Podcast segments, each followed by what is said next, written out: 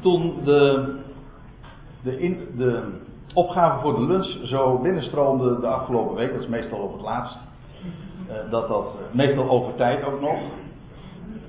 Max, het, eigenlijk moet To Be Home wil het liefst voor woensdag weten, maar de meeste opgaven krijg je woensdag en later. Op een of andere manier. Daar heb ik verder geen probleem mee, maar To Be Home ik wat meer. in elk geval, ik, heb, ik kreeg toen afgelopen donderdag of vrijdag nog even een opgave van een Danielle Waar zit je? Oh, daar ja. Van Steens of van Der? Van Ja, nou, die. Het is de tweede keer dat je hier bent? Of eerste? Oh, de derde keer, oké. Maar in elk geval, uh, ze gaf zich op en ze vertelde, ze schreef ook in de mail erbij dat ze hoopte dat ze nog gebruik kon maken van een lunchpakket. Ze zegt van, ik ben zo ontzettend blij met dat wat ik nu mag weten en de God die ik mag kennen. Ik zou er best wat over willen zeggen. En toen dacht ik, waarom niet? Juist deze dag staat in het teken daarvan. En dus ik heb Daniel gevraagd, ik zeg, waarom niet? Ik zeg, als het maar niet langer maakt dan vijf minuten.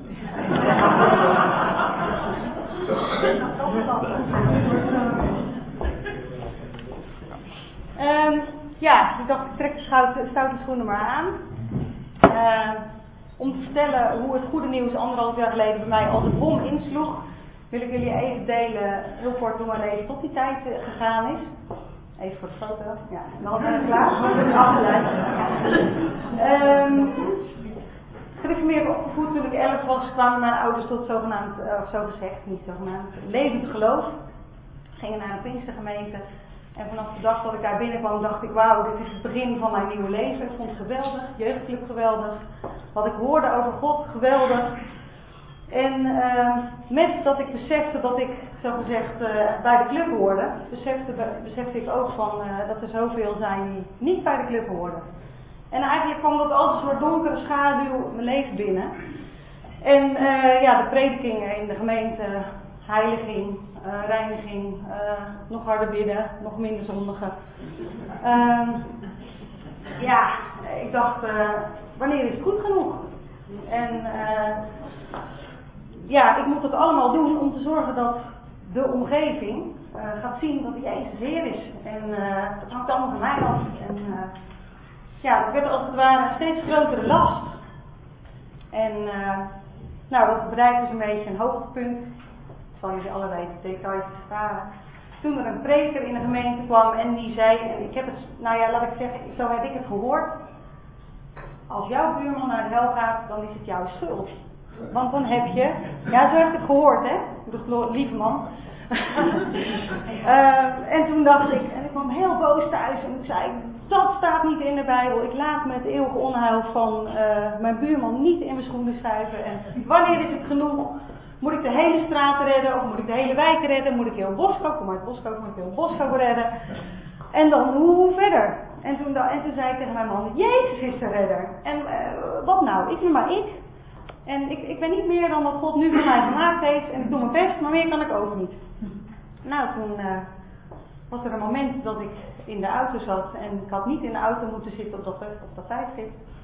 En ik hoorde Groot Nieuwsradio, van mijn Heilige Huisjes. En uh, of de zon al scheen, ik weet het niet. Maar volgens mij heeft hij die dag nog nooit zo hard geschenen. Het begin van een compleet nieuw bestaan. Ik kon heel die last voor, ja, ik had zo'n beetje denk, de hele wereld op mijn nek. Die kon ik gewoon weg bij Jezus laten. En daar word ik dan emotioneel van. Maar ja, mensen, wat geweldig. God gaat gewoon heel de wereld redden. En, en ja, ik mag er nu al deel van zijn. En jullie ook. En uh, we mogen dat nieuws niet vertellen. Hè, we, mogen het vertellen, we moeten het niet vertellen. Maar het gaat vanzelf. En ik hoop dat bij u ook zo is. Dus dat wil ik vertellen.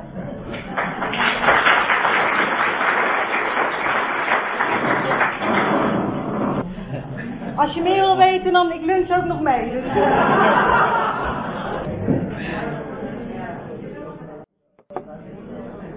Dankjewel Daniel. Schitterend. En dan te bedenken dat die uh, uitzending bij Goed, bij uh, Goed Nieuwsradio, dus dat is een prachtige titel natuurlijk, een prachtige naam voor zo'n uh, radiostation. Heeft heel veel losgemaakt. Ook heel veel venijn. Heel veel boze mailtjes ook daarover gekregen. En bij Groot Nieuwsradio zullen ze me nooit meer uitnodigen. Want Nee, want het, het, programma dat heet Heilige Huisjes. Dus daar mogen mensen binnenkomen die controversiële dingen vertellen. En dan worden ze aan de tand gevoeld. Maar dit was te controversieel. Het was zelfs zo dat uh, een paar dagen later heeft de presentatrice Tjitske Volkering nog uh, moeten vertellen dat er zo enorm veel boze berichten, boze mensen hadden, Groot Nieuwsradio hadden benaderd dat ze nog eens een keertje duidelijk wilde zeggen dat de Groot Nieuwsradio er niet garant voor staat dat degene die ze uitnodigen, dat ze die ook uh, dat ze dat ook onderstrepen of dat ze het eens zijn met degene die dat zo vertelt. Wat een open deur intrappen is, want dat is juist het hele idee van het programma. Maar dat moest bij deze nog eens even goed benadrukt worden. Met andere woorden, men wil even heel duidelijk afstand nemen van wat er toen in die bewuste uitzending is verteld. Maar u ziet het, u hoort het. Het, uh, het doet alles zijn werk, dat is geweldig. Het thema voor vandaag, beste vrienden, jongens en meisjes, dat is e- het evangelie en evangeliseren. En door een dubbel thema te nemen, dat wil zeggen twee woorden in het thema te verwerken, uh, kon ik de dag ook wat makkelijk indelen, want die bestaat toevalligerwijs ook uit twee delen. Zodat ik het vanmorgen ga hebben over het evangelie en vanmiddag over evangeliseren.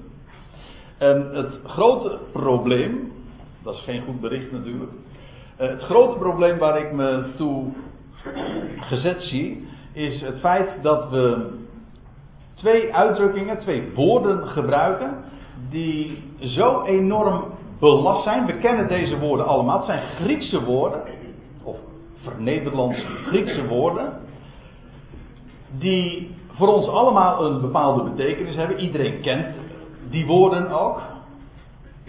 Maar we associëren het met zaken die niets te maken hebben met de betekenis die deze woorden van origine hebben. Dat wil zeggen de betekenis die ze in de Bijbel hebben. Zodat we vandaag ons gaan bezighouden met de schrift en daarmee ook letterlijk hervormd willen worden in ons denken. Als we deze woorden lezen, als we deze woorden horen, wat horen we dan eigenlijk? Ik bedoel, als je het hebt over evangeliseren, dan denk je aan mensen die er op een straat staan. En die folders uitdelen, of die een lied zingen, of een straatprediker. Dat, nou, dan zeggen we van, kijk, die man die is daar, of dat groepje, die is daar aan het evangeliseren.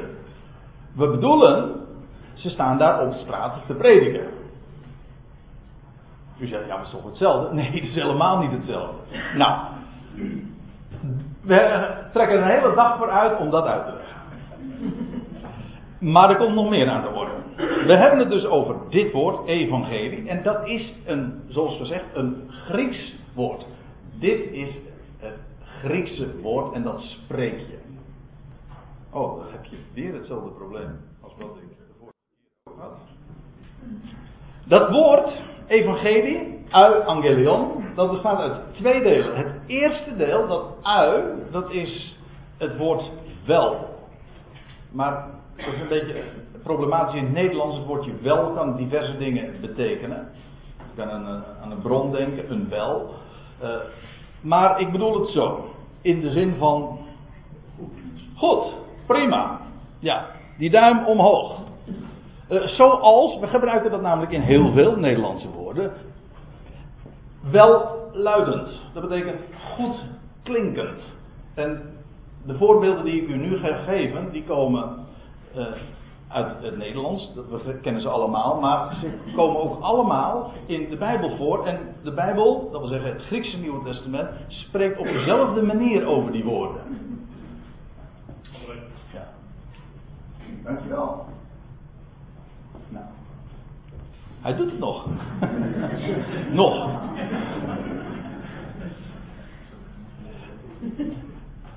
En of welriekend, of wel doen, we kennen ook wel zijn of welvaart. U ziet het, al die Griekse woorden beginnen met dit woord, ui. En zoals in Nederlands ook. Dus in die zin komt het, Nederlands gebruik, uh, vrijwel letterlijk overeen met het Griekse gebruik. Of welgemoed, of welgevallig. Allemaal met deze, uh, met dit voorvoegsel. Ui, wel, goed, prima. En dan dat andere woord, het andere deel van het woord, ui, angelion. Angelion, daar herkennen we ook een Nederlands woord in, namelijk ons woord engel, of in het Engels angel, angel. En dat betekent, een, een angel is een boodschapper, een engel, een boodschapper. En vandaar angelion, dat is het gewone woord voor boodschap. Of een bericht, eventueel nieuws. Maar dat is het. Een bericht of een boodschap. Zodat, uit angelion, dat betekent, als je het heel letterlijk zou weergeven, een welbericht. Maar dat is geen goed Nederlands. Dus het woord dat daar het dichtste bij komt, dat is goed bericht. Daar hou ik altijd op een of andere manier van. Ik ben altijd nog erg blij dat ik dat uh, in 2001, geloof ik, geparkeerd heb bij, uh, en vastgelegd heb op het internet. Want als je werkelijk een blijde boodschap wil vertellen, wel, hoe kan je je website dan beter noemen dan bericht? Maar dat is dus de letterlijke betekenis van dat woord. Goede tijding. In het Nieuwe Testament komen we dit woord heel veel keren tegen. Als zelfstandig naamwoord komen we het 76 keer voor het tegen. Eh, dus het evangelie. Maar we komen het ook heel veel keren tegen, 55 keer, als werkwoord en dan in de zin van evangeliseren. Ons woord evangeliseren komt ook direct uit het Grieks. De grap is, in het Nederlands, in Nederlandse vertalingen, wordt het altijd weergegeven met uh, het evangelie verkondigen of het evangelie prediken. Men maakt er dan verschillende woorden van. Maar het Grieks kent maar één woord, dus een evangelie, een evangelie vertellen of evangeliseren. Dat is niet trouwens hetzelfde. Het is dus echt evangeliseren. Het enige nadeel van het gebruik van dit woord is dat we het koppelen aan heel andere betekenissen. Maar dat moet u allemaal vergeten en dat doe je vanzelf door gewoon in de schriften duiken en, en je hele begrip laten vormen door wat de schrift zegt. Dat is wat we vandaag ook gaan doen. Evangeliseren. Nou, als u eh, er vanmiddag ook nog bij bent, dan kan ik u echt aanraden, want het is ja, dan gaat het eigenlijk om hoe dat in de praktijk werkt, hoe dat evangelie zijn werk doet. Dat, die uitgang iseren is heel bijzonder. Dat is veel meer dan alleen maar het evangelie brengen of verkondigen of prediken. Maar dat ga ik nu niet uitleggen, dat gaan we vanmiddag eh, nader bezien. Maar dan als werkwoord. Ik vind dat een beetje vreemd om eh, evangeliseren een werkwoord te noemen. Want hoezo werken? Maar ja, moet, dat is een grammaticale kwestie. U moet het zo zien: slapen is ook een werkwoord. En rusten ook. En relaxen en recreëren, het zijn allemaal werkwoorden. Ja, dat is even ter geruststelling. En dan, hebben we, dan komt het ook nog drie keer voor, in, uh, gekoppeld aan een persoon, in de zin dus van een evangelist. Iemand die het evangelie vertelt. En dat levert een totaal op van, de, van dit grondwoord van 134 keer in het Nieuwe Testament. En als ik het zo zeg, dan ben ik incompleet. En dus gaan we ook nog even naar het Oude Testament. Want weliswaar is het Oude Testament geschreven in het Hebreeuws. Maar het is ook vertaald in het Grieks. En die Griekse vertaling van het Oude Testament, dat noemen ze dat wordt zo afgekort, de LXX, dat wil zeggen de Septuagint. Dat is de Griekse vertaling van het Oude Testament. En dat speelt in het Nieuwe Testament een hele grote rol. Want als Bijbelschrijvers, Paulus bijvoorbeeld, of Petrus, of wie dan ook, het Oude Testament citeren, dan citeren ze niet uit de Hebreeuwse Bijbel, maar uit de Griekse Bijbel. Dat wil zeggen de Griekse vertaling van het Oude Testament. Dat is die Septuagint. En in die Griekse vertaling van het Oude Testament, de Septuagint dus, komt dit woord, maar ook als werkwoord gewoon, als dat grondwoord, 18 keer voor. En om even een goede start te maken, wil ik daar ook mee beginnen. Ik wil u drie of vier voorbeelden geven hoe dat woord in het, in, de, in het Griekse Oude Testament, dus de Septuagint, gebruikt wordt. Dus als we het woord tegenkomen in het Nieuwe Testament, dan is dat niet zomaar, komt het niet uit de lucht vallen. Dan is dat, dan speelt dat ook op, of het refereert aan dat wat al in het Oude Testament ook staat geschreven. Ik zal een paar voorbeelden geven. Het is niet de eerste keer dat dat dan in de Septuagint gebruikt wordt, maar dan lees je in 2 Samuel 18. Maar Joab zei tot hem: Op deze dag echter zal gij geen goede tijding brengen, omdat de zoon van de koning, dat was in dit geval Jonathan, dood is. Dat, dat de zoon van de koning dood is, dat is geen goede tijding. Hier wordt dat woord evangelie, evangelion, wordt weergegeven met goede tijding. Heel vaak trouwens in uh, gebruik vandaag, dat moet ik er even nog ter toelichting bij zeggen, de NBG-vertaling. Zal vaak genoeg aanmerkingen moeten hebben, maar dan licht ik dat even toe. Dit is de vertaling die we primair gebruiken. Een goede tijding. Zoon van de koning dood is, is geen goede tijding. Wij hebben trouwens wel een goede tijding, want ik kan u vertellen, de zoon van de koning, hij leeft. Ja, niet hij leeft nog, hij leeft weer. En weer is eigenlijk ook niet eens een goede weergave. Het is maar geen herhaling van wat, ooit, wat het ooit was. Maar hij leeft. Hij was ooit stervend. Maar hij leeft. Hij is gestorven. Hij leeft. En wel eens voor altijd. Dat is een goede tijding. Kijk, als je het woordje evangelie gebruikt. Dat is zoals eh, al uitgelegd. Dat is, bestaat uit twee delen. En dat betekent in de eerste plaats dat het dus een tijding is, een bericht, nieuws. Je vertelt iets. Zoals voor het nieuws een bericht doorgegeven wordt, dat is dit ook. Het woord evangelie refereert altijd aan iets wat medegedeeld wordt. Een mededeling. Het is dus niet iets wat een mens moet doen, dat is een gebod, dat is een wet. Een mededeling is gewoon, zo is het. Of je het nou gelooft of niet, maar dit is het. Dat is een bericht.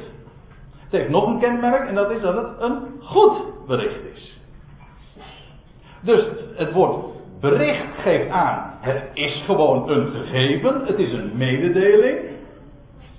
Of je het nou lijkt of niet. Maar in dit geval is het een heel mooi bericht. Waarom? Het is een goed bericht, een goede tijding. Dat is wat dat woord evangelie betekent. En zo wordt het dus ook al in het Oude Testament gebruikt. In dit geval gaat het dus met recht over een tijding. Psalm 96. Dan wordt het weer anders weergegeven. Zingt de Heer, prijst of zingt Yahweh, prijst zijn naam, boodschapt zijn heil van dag tot dag. Hier wordt het woord uh, evangelie, uh, in tegenstelling tot hier, maar weergegeven met boodschap zijn heil. Dat is een erg vrije weergave. Boodschap zijn redding. Nee, het staat eigenlijk uh, ook hier trouwens als werkwoord. Evangeliseer van dag tot dag. Of dat van hem. Precies staat, uh, weet ik even nu niet. Maar in ieder geval, hier wordt dat woordje evangelie ook gebruikt. Van dag tot dag die goede tijding van hem doorgeven. Jezaja 52 is een interessant voorkomen ook. Waarom? Omdat we hem ook letterlijk tegenkomen in Romeinen 10, vers 15. Paulus spreekt in Romeinen 10, vers 15, citeert hij Jezaja en dan citeert hij de Septuagint, het Griekse Oude Testament. En daar vind je deze woorden. Trouwens, in Efeze 6, vers 15 refereert hij er ook aan. U weet wel, die voeten geschoeid met het evangelie van de vrede. Jezaja 52. Hoe lieflijk zijn op de bergen de voeten van de vreugdeboden. Die vrede aankondigt. Die goede boodschap brengt. Die heil verkondigt. Die tot Sion spreekt. Uw God is koning. Dat is een vrij voorbeeld van parallelisme. Want je vindt hier een vreugdebode. Prachtige weergave van een Iemand die het evangelie, een goed bericht vertelt. Een vreugdebode. Iemand die iets vertelt. Een mededeling dat verheugend is. Nou, hoe liefelijk zijn op de bergen de voeten die dat als een heraut uh, aankomt snellen om iets te vertellen, om iets wereldkundig te maken. De voeten van de vreugdebode die, die vrede aankomt. Er komt vrede aan en een goede boodschap brengt die heil, in het, dat, het woord wat hier gebruikt wordt betekent redding. Het goede nieuws heeft altijd te maken, uh, in de eerste plaats te maken met redding. Met een redder. Ook als mededeling. Onvoorwaardelijk. Die redding verkondigt, die tot Sion spreekt, uw God is koning. Hoe liefelijk zijn de voeten daarvan, van degene die zoiets mag vertellen. Een goede boodschap, een goede tijding, of heil, of hoe je het ook maar dan vertaalt. Jezaja 61. Ook dat is een interessant voorkomen, omdat dat ook in het eh, Nieuwe Testament wordt aangehaald. In Lucas 4, vers 18 en 19. Als Jezus in de synagoge van Nazareth opstaat en de boekrol aangereikt krijgt. En dan gaat lezen uit Jesaja 61. En dan haalt hij deze woorden aan. De geest des Heren, uh, de geest van de Heere, Heere is op mij omdat de Heere, Jawel, mij gezalfd heeft. Dat wil zeggen, mij tot Mashiach gemaakt heeft. Messias, Christus. Hij heeft mij gezonden om een blijde boodschap te brengen, om te evangeliseren. Een goed bericht te vertellen. Aan ootmoedigen, om te verbinden gebrokenen van hart. Ook dit is weer een prachtig voorbeeld van parallelisme, want die blijde boodschap aan ontmoedigen komt overeen met het verbinden van gebrokenen van hart. Hoe worden die gebrokenen van hart verbonden? Wel, doordat ze een blijde boodschap te horen krijgen. En om gevangenen vrijlating uit te roepen. Wat is, wat is nou goed nieuws voor iemand die gevangen is? Vrijlating. Of wat is goed nieuws voor gebondenen? Wel, opening van de gevangenis. Het ligt uh, zo dan. Een blijde tijding. Een goed bericht. Nou, dat waren zo een paar voorbeelden die ik u gaf uit het Oude Testament van, uh, van het woord goed bericht. Dan gaan we nu naar Galaten 1. En dan spring ik in een gedeelte en in een Bijbelplaats, uh, terwijl al vele keren daarvoor het woord evangelie gebruikt is. In de evangeliën, in de evangeliebeschrijving, Matthäus, Marcus, Lucas, Johannes, het woord komt vele keren voor. Het boek Handelingen. Maar ik ga naar Galaten 1, omdat Paulus daar zeer essentiële dingen heeft te melden over wat dat evangelie is en wat ook wat het niet is. Ook de vraag hoeveel evangelieën zijn er? Laten we het even lezen. Ik haak aan bij vers 6 en daar schrijft Paulus, en hij, hij valt min of meer met de deur in huis, hij heeft maar een hele korte inleiding gebruikt in deze brief en dan komt hij meteen tot zijn punt. En hij zegt hij, het verbaast mij dat gij u zo schierlijk van degene die u door de genade van Christus geroepen heeft. Laat afbrengen tot een ander evangelie. Maar even dit. Uh, het verbaasde hem. Hij was, moet ik even bij zeggen. Paulus had ooit, dat vinden we al in het, gelaten, in de, boek Handelingen. Hij had in Galatië, in de landstreken al daar in het huidige Turkije, had hij een goed bericht laten klinken. En nu was hij zo verbaasd dat ze zich zo schierlijk lieten verplaatsen, ompraten tot een andere boodschap. En hij zegt,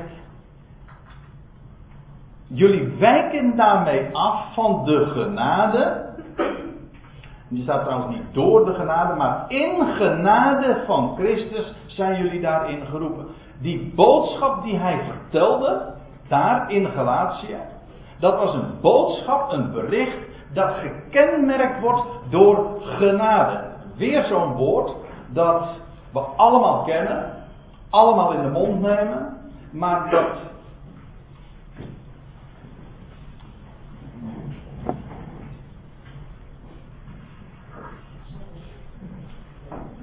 Daar komt Esther binnen. Wij zijn al vast begonnen, Esther. Hartelijk welkom.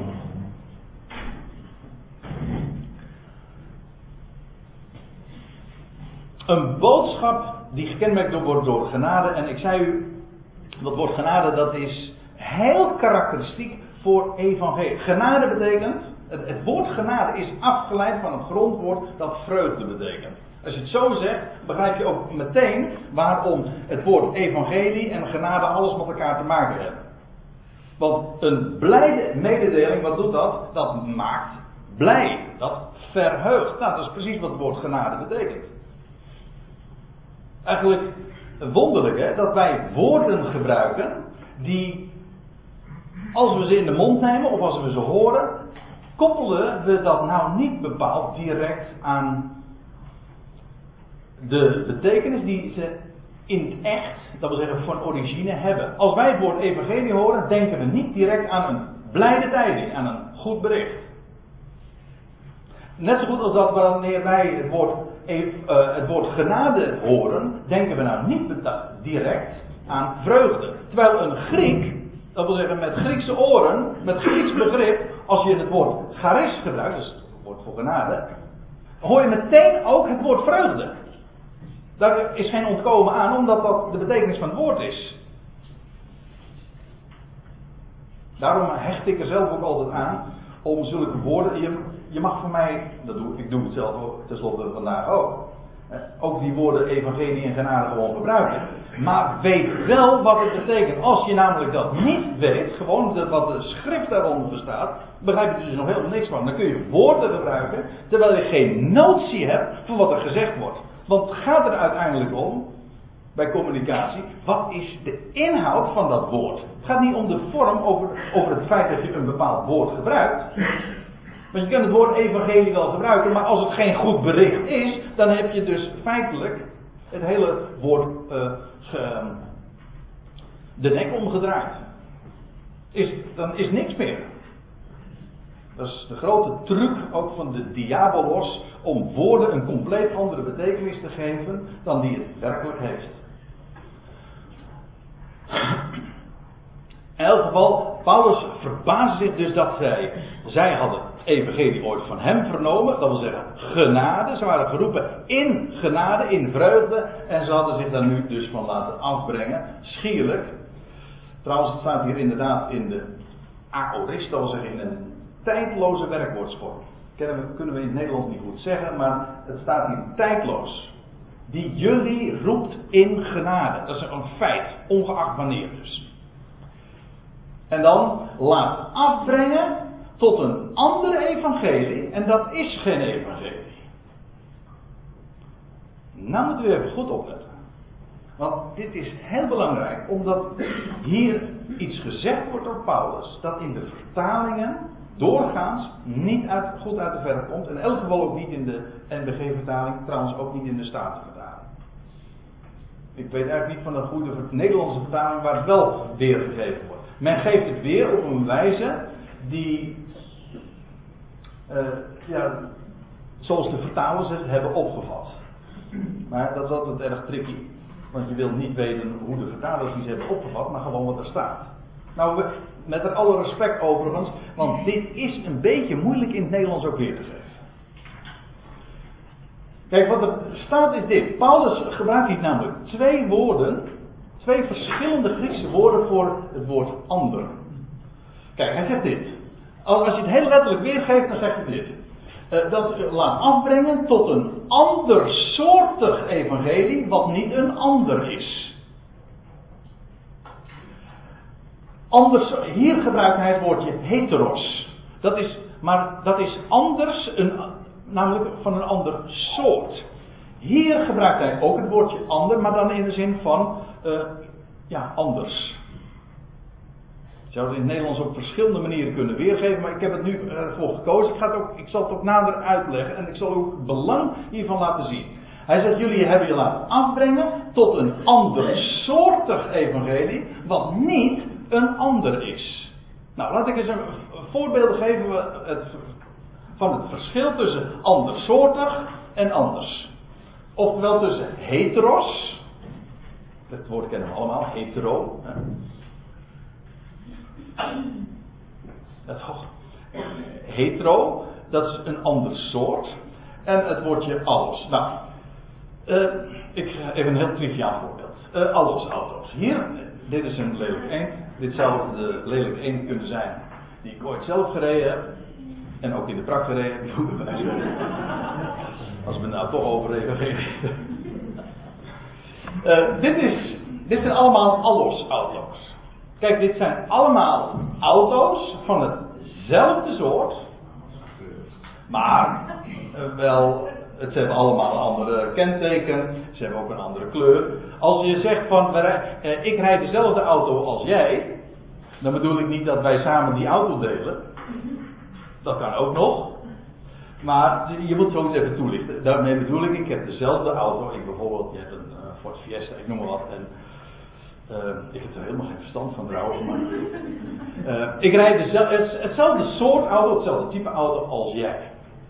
Maar dit zijn dus allemaal allesauto's. Het zijn wel verschillende auto's, maar toch allemaal van hetzelfde soort. Dit zijn allesauto's. Dit zijn heteros auto's. Nee, niet hetero auto's. Die bestaan volgens mij nog niet. Maar uh, een Mercedes of een, of Volkswagen of een DAF. Kijk, dit zijn allemaal dit zijn heel andersoortige auto's. Dit zijn dezelfde auto's, maar ze zijn anders. Zo zou je het in het Nederlands heel goed kunnen weergeven. Het is geen andere auto, maar wel anders. Zo zeggen we dat ook. Ik, ik heb hetzelfde als jij. Het is geen ander, maar het is wel anders. Een andere kleur bijvoorbeeld, of een ander. whatever. Dit, uh, dit is de betekenis die uh, deze woorden heeft in, uh, hebben in, in, in het Grieks. Allos en heteros andersoortig en anders, maar wel van hetzelfde type. Nou, in wat Paulus hier zegt, in Galatië, wat hier verteld wordt, dat is wat hij ook hen aangeeft en waar hij zo verbaasd en zelfs verbijsterd over is. In Galaten 3 vers 1 zegt hij zelfs, oh dwazen, nee, hoe ze uitzinnige gelaten, wie heeft jullie betoverd? Paulus is werkelijk compleet ontsteld over wat hij vernomen heeft, wat daar in Galatië is gebeurd. Dat is namelijk een heel ander soortig evangelie gebracht. Dat is geen evangelie. Een compleet ander soort. En daarvan zegt hij ook, ik wil dat vanavond, uh, vanmiddag ook, dat die tekst nog uh, in een ander verband ook noemen. Eh, daarvan zegt, daar spreekt hij het anathema over uit. Dat wil zeggen, uh, de vloek of in de ban, dat is eigenlijk het woord. Anathema. Een heel andere evangelie, daar heeft hij geen goed woord voor over. Integendeel, hij is daar furieus over. Dat ze afwijken van dat wat hij heeft verteld. Dat werkelijk een goed bericht is. Dat in Galatië was een heteros evangelie.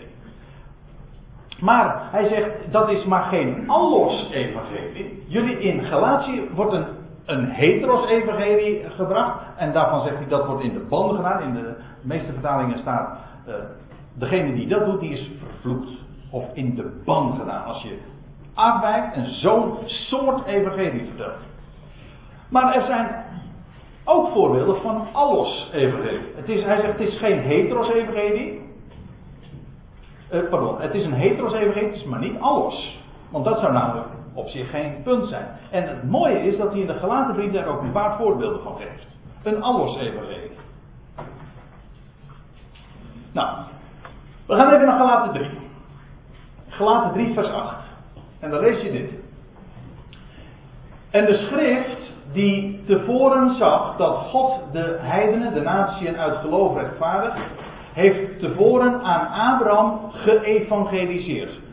Dit vind je trouwens, dit woord vind je niet in de gewone vertalingen. Of aan, aan Abraham het evangelie gebracht. In u zullen alle volkeren gezegend worden. Het gaat me nou om dit punt. Dat aan, wat dat Paulus hier zegt. Aan Abraham ooit, en dat was Paulus in Paulus dagen al 2000 jaar geleden. En voor ons dus inmiddels 4000 jaar geleden. Hij zegt, aan Abraham is al geëvangeliseerd. Dat was een goede tijding gebracht. En wat was die goede tijding? Wel, in u, in jou, zullen alle volkeren gezegend worden. Dat is een mooi voorbeeld trouwens van een goede tijding. Het is gewoon een bericht, een mededeling. Ook onvoorwaardelijk. Het is een mededeling Zo zal het gebeuren. En het is een goede mededeling ook. En vandaar ook dat Paulus zegt, aan Abraham is geëvangeliseerd. Is dat nou het? Nou een goede vraag voor u. Is dat nou hetzelfde evangelie als wat wij kennen of niet? Yep, hoor ik. En ik kan me ook voorstellen dat iemand zegt: nee, ik weet meer. Of het evangelie dat wij kennen, dat houdt toch veel meer in. Uh, een evangelie waarbij niet de naam van onze redder klinkt. Dat is geen evangelie waar niet gesproken wordt over de opstanding uit de doden, omdat hij de losprijs heeft gegeven. Abraham wist er allemaal niet van. Abraham wist niet van die losprijs, hij kende de Messias niet, die zou uit hem voortkomen, weliswaar. Maar hij kende de naam niet. Dat alles miste hij. En toch is aan Abraham geëvangeliseerd. Was dat een heteros-evangelie? Nee. Het was alles. Het was anders. Van hetzelfde soort, dat wil zeggen, het is van goddelijke oorsprong. Komt van boven. Van God zelf. Niet exact hetzelfde als wat wij kennen. Want er zijn heel wat varianten in de Bijbel. In wezen, als mensen zeggen van eh, de Bijbel, er is maar één evangelie, dan zeg ik ja en nee. Dat klinkt heel erg diplomatiek en politiek, maar het is heel uh, goed uit te leggen. Ik bedoel dit gewoon mee te zeggen. Er is maar één soort evangelie. Dat klopt. Maar er zijn vele evangelieën. Kijk, als je even blijft bij de grondbetekenis van het woord, dan begrijp je het ook meteen. Het is gewoon een goed bericht. Nou, de Bijbel kent talloze goede berichten. Er staan boordevol, allemaal goede berichten. Hoezo één goed bericht? Aan Abraham werd al een evangelie gebracht, een, een goede tijding gegeven en gemeld. Zonder dat hij op de hoogte was van Jezus Christus en van, van het kruis van Golgotha en van de opstanding uit de doden, etc. En van alles wat wij weten. En alles wat Paulus heeft mogen vertellen.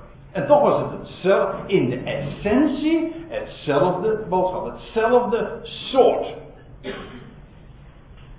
Dat is van groot belang om dit verschil ook te zien. Heteros en alles. Een, een ander soortig evangelie of een evangelie dat anders is. Maar wel van hetzelfde soort. Het zou prachtig zijn om dat, eh, om dat nader uit te werken, dat dat ook voor Abraham in de essentie, in, in, in oorsprong al hetzelfde was. Want ook Abraham wist al van het zaad dat hem beloofd was, Christus. En van leven uit de dood. Abraham was een verstorven man. Maar God heeft de opstanding aan den lijven aan hem gedemonstreerd. Leven kwam voort uit een gestorven lichaam. Dus in, in de aard van de zaak, in de essentie, ligt dat hele evangelie al besloten aan wat hem was medegedeeld. Dus aan Abraham werd geëvangeliseerd. Ondanks het feit dat het dat wat wij kennen anders is. Niet anders soortig, maar wel anders. Dat is wat ik ermee bedoel te zeggen. Ik zal u nog een voorbeeld geven. Die is wat omstreden. Maar daarom vind ik het wel goed om daar uh, bij deze gelegenheid eens op te wijzen. Dan lees je dit. In Galaten 2, hetzelfde, hetzelfde brief. en nu moet ik erbij zeggen, als u nu in de NBG-vertaling kijkt, dan moet er heel wat gestreefd worden. Dat doe ik hier ook. Als u een statenvertaling hebt, wordt het heel correct weergegeven. Daar wordt dit gezegd. Integendeel, toen zij zagen, dat, Paulus heeft het hier over de, die vergadering die er was in Jeruzalem. Paulus kwam niet zo graag in Jeruzalem, maar hij was er bij gelegenheid. En dan moeten zij vaststellen, en dan zagen zij, dat mij, ik lees nou even, eerst even voor uit de NBG-vertaling. Dat mij de prediking van het evangelie aan de, voor, aan de onbesnedenen was toevertrouwd, gelijk aan Petrus, die van de, uh, aan de besnedenen. Nou, men maakt hiervan, alle moderne vertalingen doen dat, die spreken dan over dat aan Paulus was, het, was de prediking van het evangelie aan de onbesnedenen toevertrouwd. Dat wil zeggen, hij kreeg een boodschap en dat moest hij brengen daar naar de onbesnedenen. De voorhuid, dat is een, zo'n technische term, dat betekent gewoon onbesneden. Als de voorhuid niet is weggenomen dus. Maar het gaat hier niet over een doelgroep. Dat Paulus uh, die kant op gaat en Petrus gaat die kant op. Het wordt hier gesproken over twee boodschappen. Twee berichten. Of twee goede berichten. Er staat niet dat aan Paulus de prediking van het evangelie aan de voorhuid was toevertrouwd. Nee, dat is niet wat er staat. Er staat aan mij is het evangelie. Dat wordt de prediking van doorkrassen. Staat er niet. Aan, dat mij het evangelie en niet aan het gaat niet over een doelgroep, het gaat niet over een richting. Het gaat over wat dat evangelie is. Namelijk, het is evangelie van de vooruit. Van, het is een heidens evangelie. Kijk, Joden zijn besneden. Dat is de, de Joden, het Joodse volk, dat heet in de Bijbel de besnijdenis. En het, eh, de heidenen, alle, alle overige volkeren, dat heet de vooruit. Nou, Paulus had een heidense boodschap. Aan Paulus was het het evangelie van de voorhuid toevertrouwd. Het gaat hier over de boodschap die aan hem was gegeven. En dat onderscheidt hij van de boodschap, het evangelie, dat aan Petrus was toevertrouwd. Dat die aan hem was namelijk het evangelie uh, van, uh, gelijk aan, oh, ik heb het nu verkeerd gedaan. Dat dit woordje aan had moeten doorkrassen, maar dit. Ja, gelijk aan Petrus uh, dat van de besnijdenis. Ziet u? Aan Petrus was ooit het evangelie van de besnijdenis toevertrouwd. Dat wil zeggen een Joods evangelie. Het evangelie dat hij zou brengen aan Israël. En dat lees je zo uitgebreid ook in het boek, in het boek Handelingen. Dat Petrus bijvoorbeeld op de tempelplein daar spreekt. Handelingen 2, Handelingen 3. En dan zegt hij mannen van Israël. En dan, dan dan doet hij mededelen. Dan vertelt hij wie de beloofde Messias is. En dan, zegt hij, dan roept hij ook op, geloof in hem. En dan, zegt, en dan verkoppelt hij dat ook aan een geweldige mededeling, een blij bericht. Want hij zegt, als jullie tot bekering komen, dan zal de Messias terugkeren uit de hemel en hij zal zijn koninkrijk vestigen hier op aarde. Lees het maar na in Handelingen 3, vers 18, 19, 20, 21. Staat het zo als ik nu ook zeg. Dat was een geweldig evangelie, het evangelie van, van de besnijdenis. dat was aan Petrus toevertrouwd. Paulus wist, was veel later geroepen, wist inmiddels ook veel meer, is ook heel veel onderwezen. Dat was een ander evangelie. Niet andersoortig, maar wel anders. Hebt u hem? Niet anders soorten, wel anders. Het evangelie van de vooruit. Namelijk hoe geweldig groot voorrecht het is om zonder rituelen, zonder de besnijdenis, zonder de wet, zonder de sabbat, al die dingen. Gewoon buiten het jodendom om en alle rituelen en godsdienstige plichtplegingen om. Gewoon aan iedereen te vertellen. Op een evangelie. Het evangelie van de vooruit. Dat is aan Paulus toevertrouwd. Dat dus losstaat van besnijdenis en van, van religieuze of godsdienstige verplichtingen. Heeft er niets mee te maken. Dat is Paulus. Dat is de boodschap die aan hem was toevertrouwd. Nou, dan voegt hij er nog aan toe en ik ga nu verder in gelaten 1 vers 7. Er zijn echter sommigen die u in verwarring brengen en het evangelie van Christus willen verdraaien.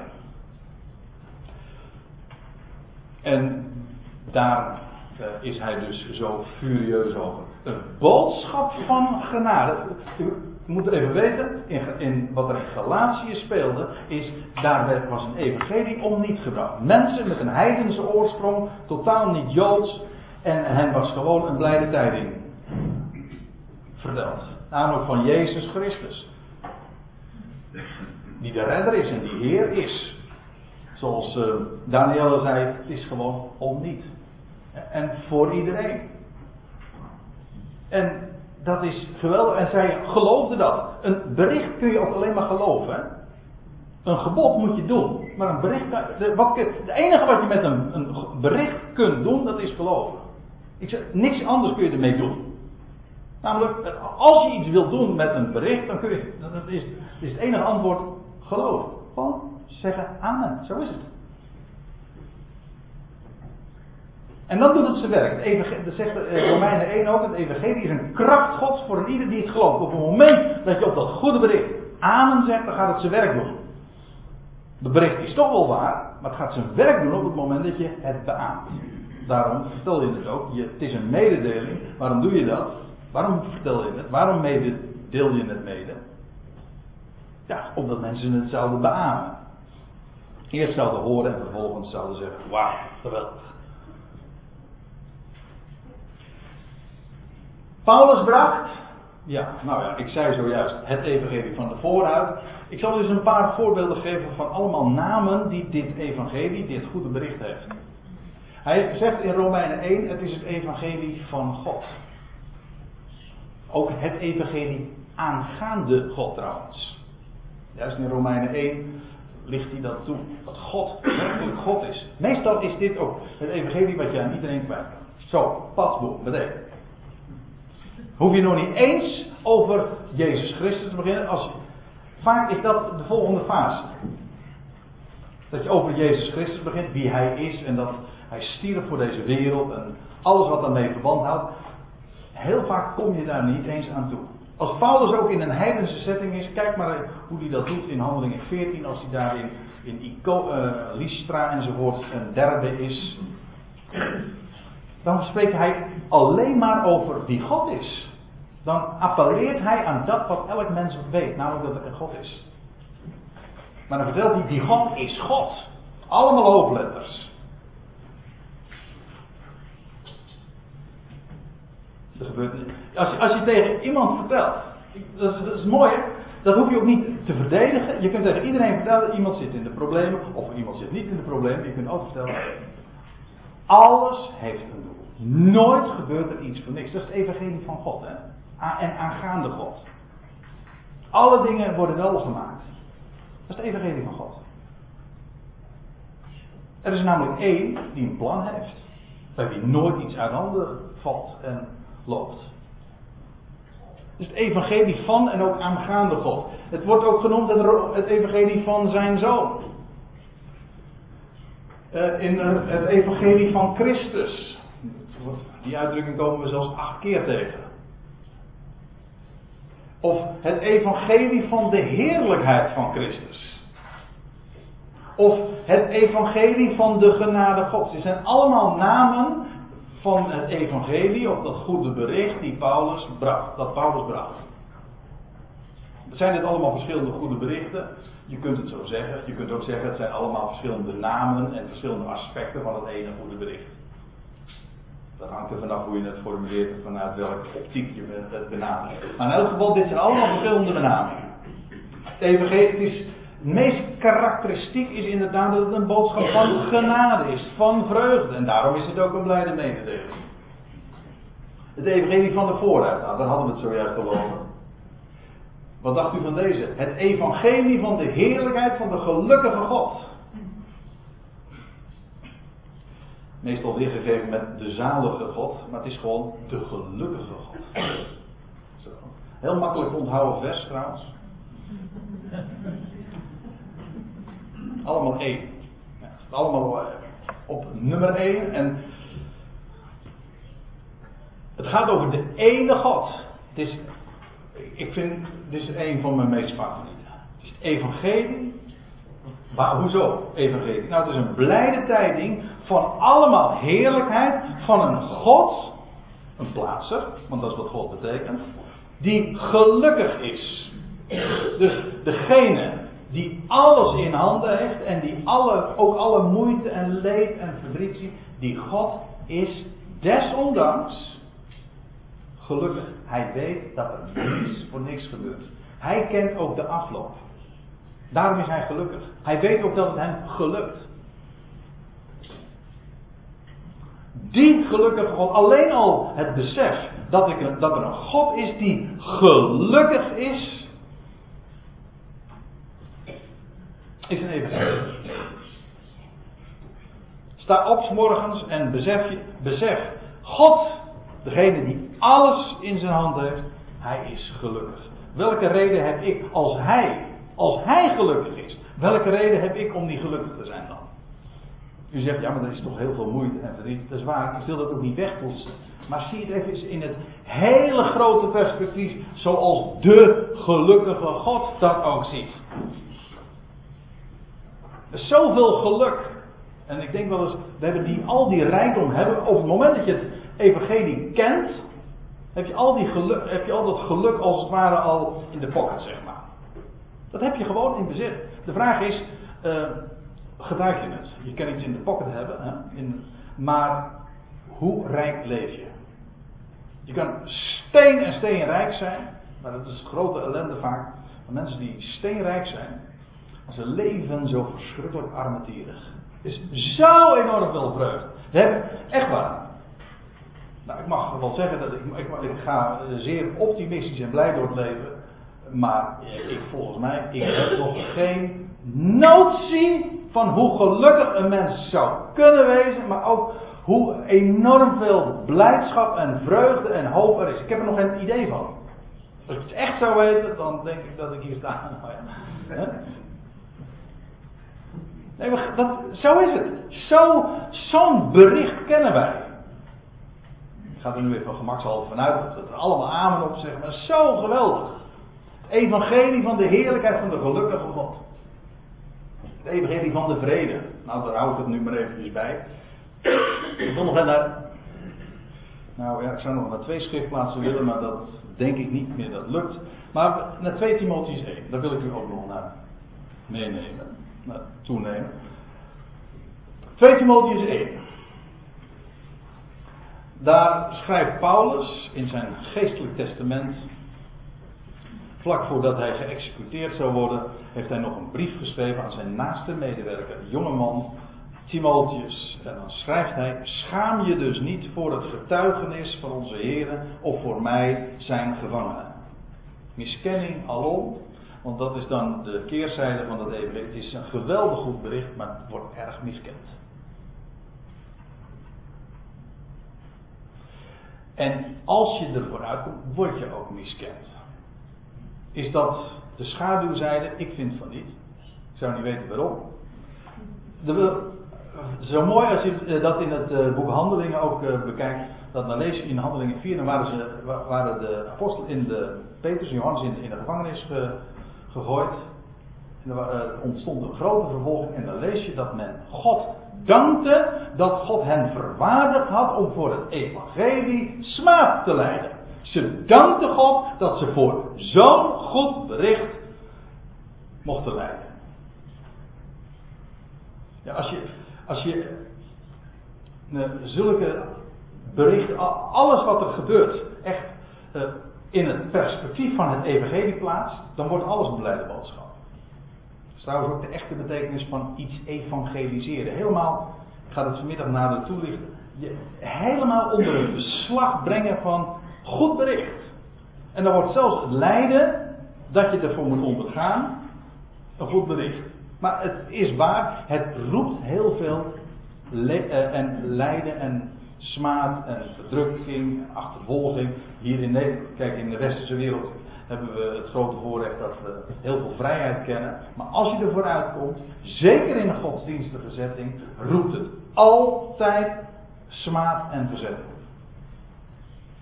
Vlak voordat we begonnen, hier, toen had ik nog even een gesprek met een paar dames die daarover helemaal over konden meespreken. Vanwege wat ze allemaal recentelijk over zich heen kregen. Juist gewoon omdat ze ervoor uitkomen. Het is een blijde boodschap. En je, nou, dat moeten mensen toch. Wauw, geweldig zeg. Ja, dat heeft het allemaal in zich. Maar de godsdienstigheid, want daar komt de druk altijd vandaan. En de achtervolging of de, de smaad. Vanuit de godsdienstige setting is het kinderlijk. Waarom? Omdat het onvoorwaardelijk is. En dat is niet te matchen met evangelie.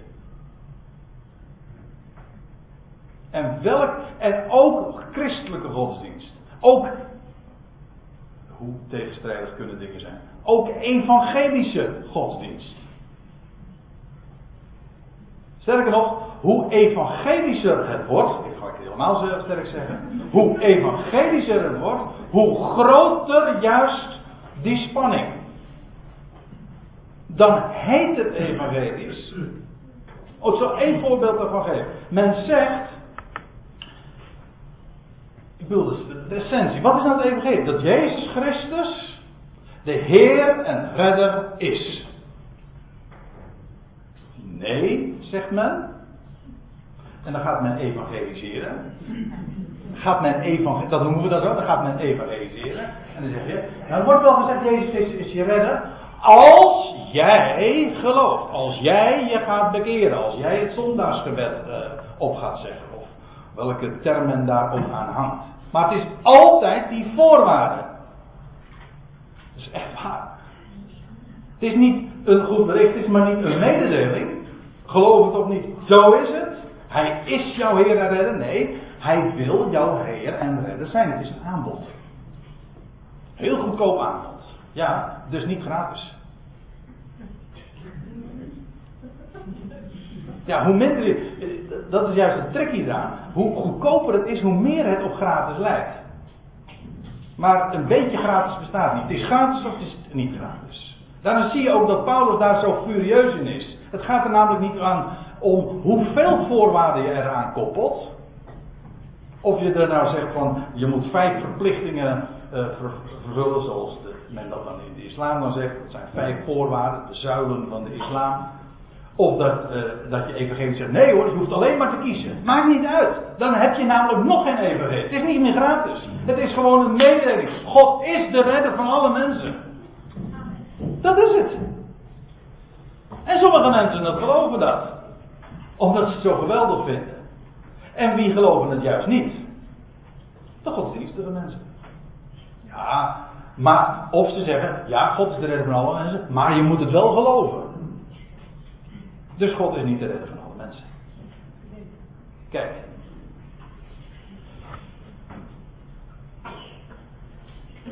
Ik had het er even over. Schaam u dus niet voor het getuigenis van onze Heer of voor mij zijn gevangen. Het ging even om de miskenning die het oproept.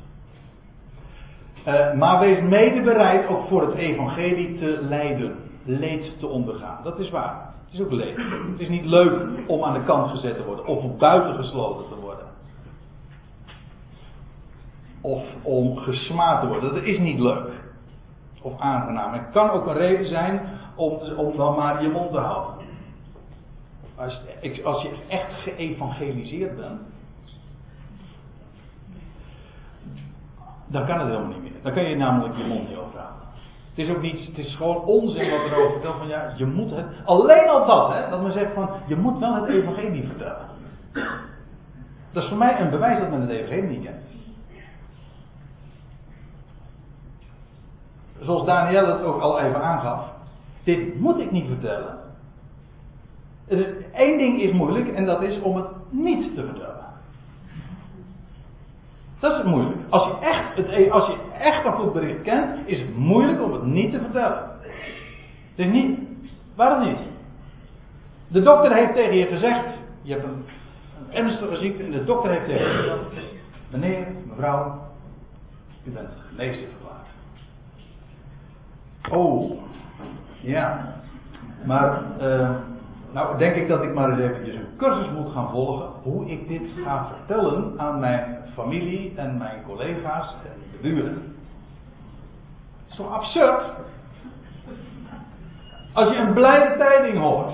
Hè, je, ja, maar zulke absurditeiten bestaan dus wel in de christelijke, in de evangelische wereld. Er worden cursussen aangeboden. Hoe vertel ik het mijn buurman? Het gaat er niet om hoe vertel je het je buurman. Wat vertel je je buurman? Ja, echt. Dat is toch wel de essentie. Als je namelijk echt een goed bericht vertelt, dan maakt het namelijk niet uit of je het stotterend of in het Chinees of, of uh, met een rode kop zegt. Dat, dat is volstrekt om het even. Vertel het hem. Als je, dat, dat is namelijk wat je wil. Als het een goed bericht wil, wil je vertellen, dan is het moeilijk om het niet te vertellen. Je, je bent vader of moeder geworden van een gezonde baby. Ja, hoe moet ik dat nou gaan vertellen? Dat is toch absurd? Of uh, hoe vertel je dat nou aan mijn klasgenoten? Als, ik, laat ik u dit vertellen, als een goed bericht is, dan komt het er altijd uit. Als je begrijpt, als je werkelijk weet waar het over gaat, dan hoef je helemaal geen zorgen meer te maken of het er wel goed uitkomt. Dat maakt namelijk geen enkel verschil. Het komt eruit. Dus dat zegt de Heer Jezus ook, hè, van in Johannes 7 lees je dat, dat als je drinkt van dat water dat hij geeft, dat levende water, dan staat er, en het zal in hem worden tot een fontein, nee, hij zegt, stromen van levend water zullen, niet, zullen, niet moeten, zullen uit je binnenste vloeien. Als, het gaat er dus niet om wat je ermee doet, het gaat erom, ken je het werkelijk, het goede bericht. En als je het kent, dan komt het eruit. En als je het niet kent, alsjeblieft hou je mond. Want wat eruit komt, is geen goed bericht. Als je denkt dat je het moet vertellen. Je hebt ook mensen, u weet precies waar ik het over heb, die dan eh, die verplicht zijn maandelijks zoveel uur comportatiearbeid te doen. Huis en huis. Het evangelie moeten ze vertellen. Ze moeten dat vertellen. Moet, moet van de organisatie. Maar ik heb het nu niet, echt niet alleen maar over de mensen van de wachttorengenootschap, want er zijn er velen die dat op die manier voorgeschoten krijgen. Het, het moet verteld worden. En helemaal in lijn daarmee is ook dat men vertelt dat je iets moet doen. Ze moeten zelf namelijk ook. En jij moet ook wat doen. Maar het is geen, dat, is, onzin als het, als het louter een mededeling zou zijn. Dan vertel je het gewoon. En als het een goede mededeling is, dan wil je niet iets anders dan het vertellen. Nou ja, ik loop een beetje vooruit op wat ik uh, vanmiddag ook wil uh, vertellen. Maar goed, voor degenen die uh, dan al weg zijn. Wees mede bereid voor het evangelie te leiden in de kracht van God. De power van Hem. Die ons behouden heeft en geroepen staat letterlijk trouwens ook in de aorist, gewoon tijdloos, die ons behoudt, die ons redt en roept met een heilige roeping, niet naar onze werken, maar naar zijn eigen voornemen en de genade die ons in Christus Jezus gegeven is voor Ionische tijden, voordat de Ionen aanvingen, die tijden van de eeuwen. Doch die nu geopenbaard is door de verschijning van onze redder, Christus Jezus die de dood van zijn kracht heeft beroofd. Ook dit staat trouwens tijdloos, aorist. Die de dood van zijn kracht berooft. En onvergankelijk leven aan het licht brengt. Tijdloos. Door het evangelie. En waarom ik het aanhaal is vanwege dit laatste. Wat is de boodschap? Wel, heeft niets met onze werken te maken. God had het allemaal in de planning. Voor Ionische tijden. Er is namelijk een redder. Christus Jezus. En wat doet hij? Hij doet de dood van zijn kracht. Hij berooft de dood van zijn kracht. Wat, uh, ja, abolish. Van zijn, van, uh, het, te niet doen van de kracht van, van de macht van de dood. En oftewel die onvergankelijk leven aan het licht brengt. Dat is het evangelie. De dood wordt teniet gedaan. Dat wil zeggen, er blijft geen dood over. Oftewel, er komt onvergankelijk leven aan het licht. Zonder kleine lettertjes, zonder mitsen en maren. En nou kan ik heel scherp zeggen, als er wel een mits en een maar aan zit, is het geen evangelie.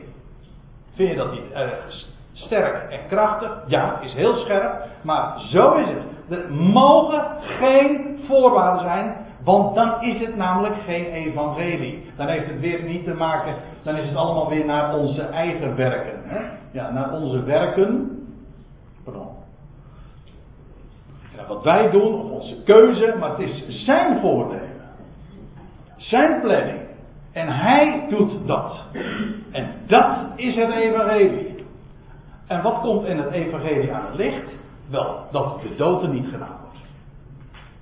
Oftewel, dat onvergankelijk leven aan het licht komt. Onvoorwaardelijk voor iedereen. En Paulus zegt, dat laat ik, laat ik daar wel afsluiten. Ik zie dat ik al over de tijd heen ben. Maar goed, het, uh, nou zijn we in 2, 2 Timotheus 1 vanzelf. En dan zegt hij, ik ben daartoe, namelijk dat evangelie. Ben daartoe aangesteld, geplaatst. Als een heraut.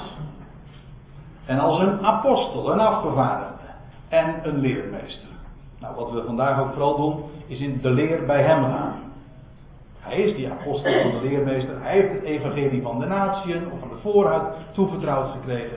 En hij zegt, dit onderwijs ik. Dit vertel ik, niet anders. Al het andere is heteros. Daar zijn we niet van gediend. Het is genade. En daarom ook werkelijk beleide tijding.